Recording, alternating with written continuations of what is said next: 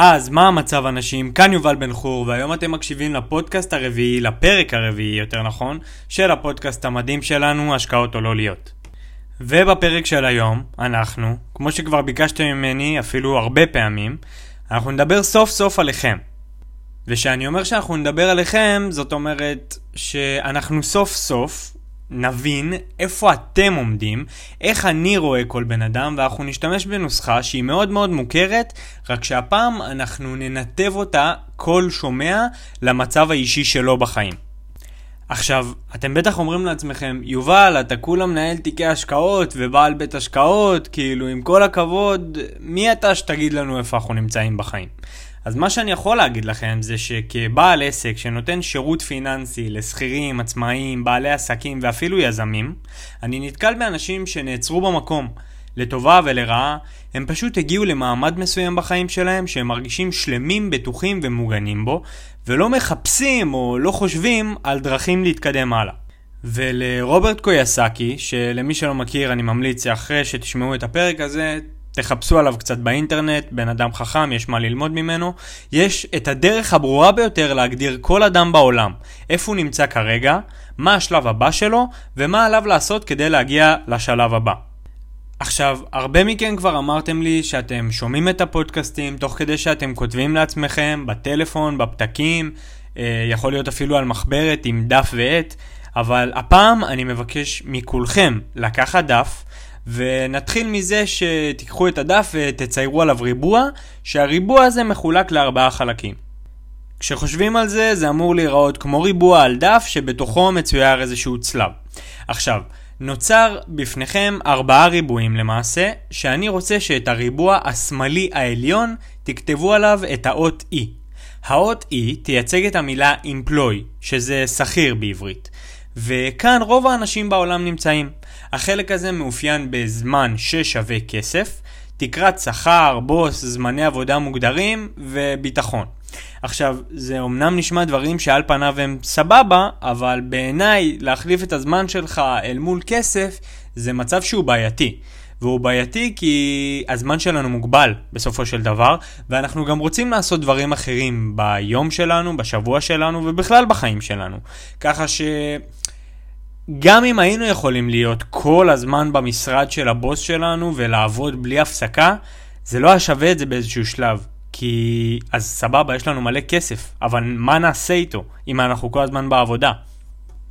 זאת אומרת, יש לא מעט אנשים כאלה שהם די וורקוהוליקים, אבל הם שכירים. אפשר לראות את זה כמנהלי מחלקות או מנכ"לים למיניהם, שהם מרוויחים הרבה, הם עובדים המון, אבל אין להם זמן ליהנות מהכסף שלהם.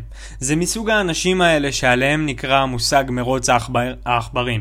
זאת אומרת שהם רצים סביב הכסף עד המוות, ובתכלס לא נשארים כאן מספיק זמן ובזמן המתאים כדי ליהנות מהכסף החשוב כל כך שהם עבדו בשבילו.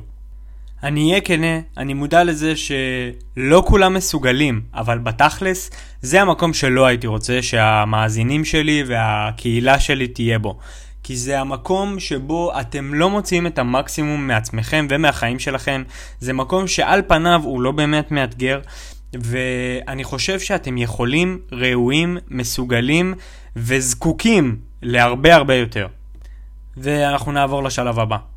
אני מבקש מכם עכשיו שתסתכלו על הריבוע שמתחת לריבוע של E ותציירו ביניהם חץ, זאת אומרת חץ שנמתח מלמעלה למטה לריבוע התחתון. ובריבוע הזה אתם תכתבו את האות S. האות S תייצג את המונח באנגלית Self-Employ. בשפתנו זה מוגדר כעצמאי. זה יכול להיות אה, בעל מסעדה, בעל פלאפל, בעל חנות צעצועים. כל אדם שהוא בעל עסק כלשהו, שהוא העסק, שהוא עובד בתוך העסק. בחלק הזה אתם בעלי עסק משל עצמכם, אבל אתם עוד ללא עובדים. יכול להיות שהדוגמאות שנתתי כאן לפני הן לאו דווקא מתאימות, כי יש היום עסקים כאלה שיש להם עובדים, זאת אומרת שכירים תחתם, אבל באותו מקום, אם אתם בעל העסק, ואתם עדיין עובדים בו, זאת אומרת שאין לכם בוס, כי אתם עובדים אצל עצמכם. אתם עובדים יותר קשה מאנשים שכירים, אתם מוכשרים, אז אתם גם מרוויחים יותר משכירים. אולי לא בפער משמעותי, אבל הזמן שלכם עדיין שווה כסף באיזשהו מקום. והחלק הזה, וזה אחד הדברים הכי חשובים, מאופיין בפחד.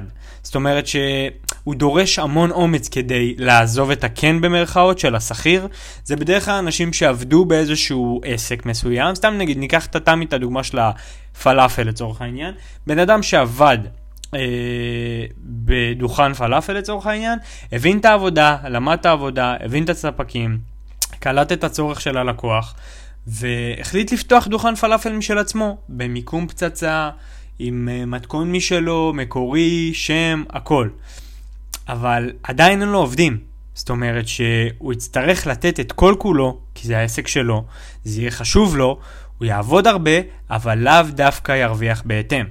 זה מקום שהוא יותר טוב מלהיות שכיר, לא תמיד, אבל בדרך כלל, וגם פה אני לא בטוח שהייתי רוצה שתהיו פה, ולמה? כי כמו שכבר הבנתם, אתם עדיין עובדים בשביל הזמן. הזמן עדיין שווה כסף, ואתם גם תעבדו יותר קשה משכיר, ולאו דווקא תרוויחו יותר. אני מרגיש שאני חוזר על עצמי, נראה לי שהבנתם. עכשיו, אני מבקש מכם שתסתכלו על הריבוע הימני העליון ותכתבו בו את האות B. האות B תייצג את המושג Business Owner. בשפתנו זה איש עסקים או בעל הבית אם תרצו. בחלק הזה אתם כבר לא הבוס של עצמכם, אלא אתם הבוס של אנשים אחרים, שלהם אתם משלמים משכורת, על מנת שיעבדו אצלכם כשכירים, כשעכשיו הזמן שלהם שווה את הכסף שלכם, שחלק ממנו הולך אליהם כחזרה ממשכורת. החלק הזה, B, מאופיין גם כן בפחד ודורש הרבה מאוד אומץ, אך לא בו כמו בשלב הקודם.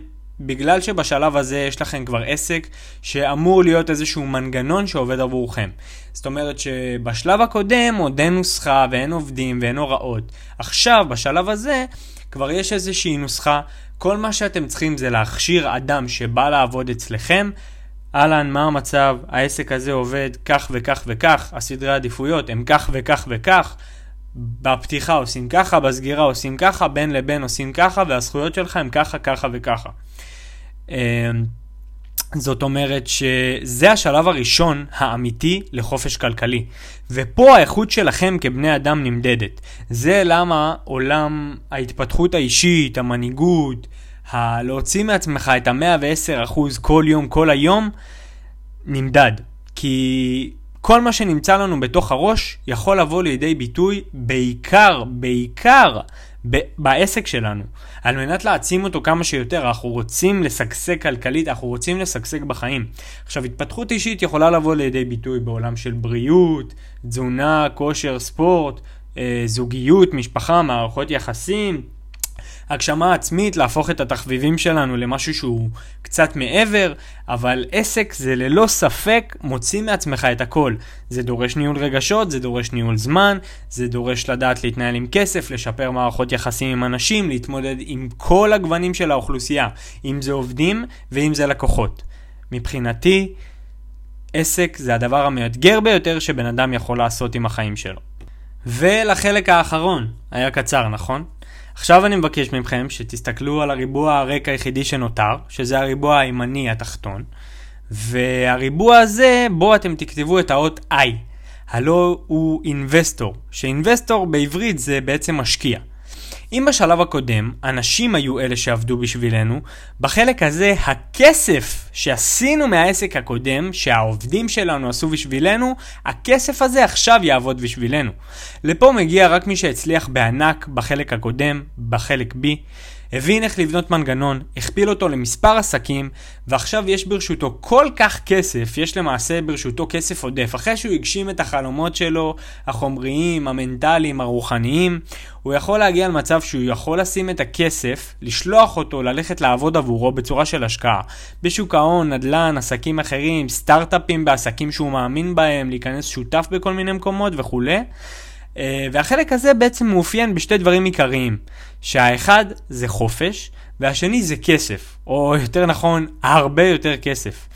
בשלב הזה אתם עשיתם את שלכם, ניצחתם את המשחק, כל מה שאתם צריכים לעשות זה להישאר על הרצף הזה של לא לעשות יותר מדי שטויות עם הכסף, בקטע של לא להתחיל עכשיו להתפזר לא חומרית, תקנה איזה אוטו שתרצה, תקנה איזה בגד שתרצה, אבל תדע להשקיע במקומות הנכונים. כי היו במהלך ההיסטוריה לא מעט אנשים שאומנם יש להם מערכת יחסים כל כך טובה עם כסף שהם החזירו את כל מה שהם הפסידו, אבל חבל על הזמן, על האנרגיה ועל הכסף הזה, תשתדלו לא לעשות השקעות בזיזות מדי בשלב הזה. עכשיו, מאחר ואני מאמין שאף מאזין כמעט שלי, כרגע לפחות, הוא לא אדם שנמצא בחלק כמעט לא ב-B וכמעט לא ב-I, אז מה שאני אגיד לכם הוא שאני רוצה שתהיו בשתי החלקים האחרונים. שתי החלקים האחרונים מבחינתי זה הדבר החשוב ביותר והטוב ביותר שבן אדם יכול לעשות לעצמו, בשביל עצמו, בשביל העתיד של העולם הזה, בשביל העתיד של המשפחה שלו ובשביל העתיד של הילדים שלו. אני רואה אנשים לצורך העניין ברחוב ואני לא מקנא בהם. לא הייתי רוצה שלא אני אחיה ככה ולא הילדים שלי יחיו ככה. אז אני יכול להגיד לכם, במצבים שאני קצת קשה לי וקצת שוקל אפילו לוותר, וכן, אין מה לעשות, תמיד הקול הזה צץ, אנחנו צריכים להילחם נגדו, לפעמים הוא יותר חזק מאיתנו, אבל זה עניין של מיומנות. תמיד שהקול הזה צץ, אני חושב על איזה חיים אני רוצה לתת לילדים שלי. אמנם זה נשמע, מה, יובל, אתה רק בן 21, כאילו, ועוד אין לך ילדים, ואתה לא נשוי או משהו כזה, זה לא באוויר כרגע, אבל כן, זה אחד הדברים שמדי פעם מובילים אותי לראות איזה חיים יש לאנשים היום, ו... להבין שאני לא רוצה שלא לי ולא לילדים שלי יהיו חיים כאלה, יהיו חיים הרבה יותר טובים by far. זהו, הגענו לשלב האחרון. אני יותר מאשמח לדעת האם זאת הפעם הראשונה שאתם נחשפים למודל הזה למרות שקשה לי להאמין? אם לא, איך אתם מרגישים עכשיו? אם כן, האם חידדתי דברים שלא חשבתם או לא ידעתם? והכי חשוב, באיזה שלב אתם נמצאים כרגע ומתי אתם מציבים לעצמכם את השלב הבא?